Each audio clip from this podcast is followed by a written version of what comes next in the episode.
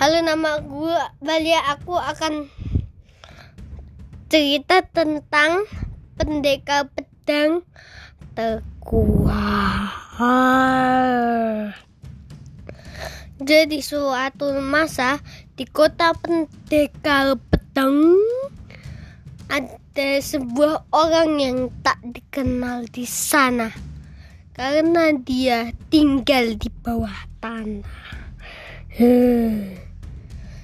Jika tinggal di bawah tanah, artinya dia tak diketahui. Empat keluarganya adalah pendekar pedang satu sampai empat.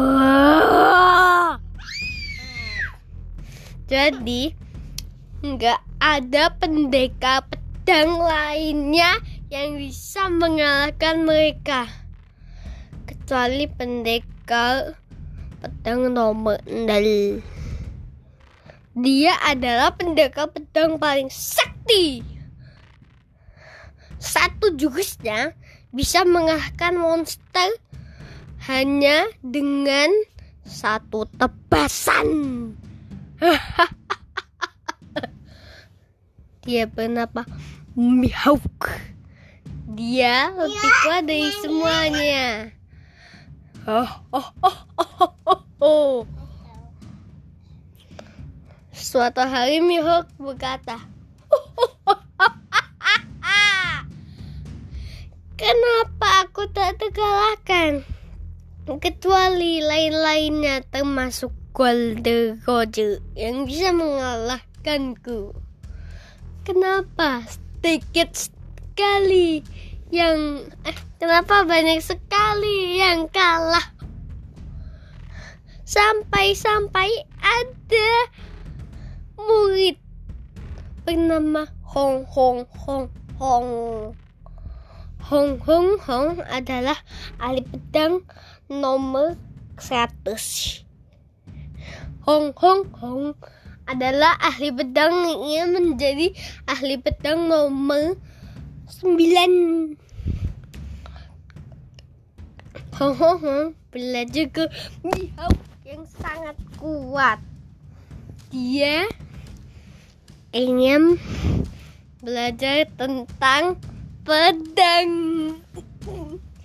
Terus Mihawk berkata, jika kau ingin carilah emas yang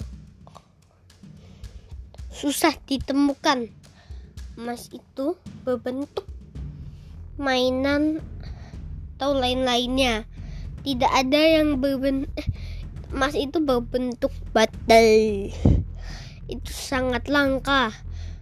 Saat kamu melihat me, menaruh air di situ kamu meminumnya maka kamu akan jadi pendekar pedang terkuat.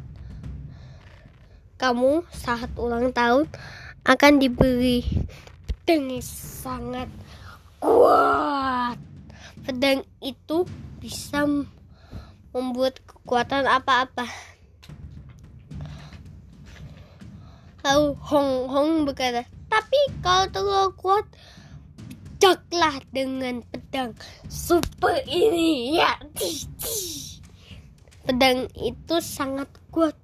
Dan Hong Hong saat ulang tahun tiba-tiba dia hanya dikado pedang mainan yang aneh. Pedang mainan itu kuno, eh legendaris, tapi ini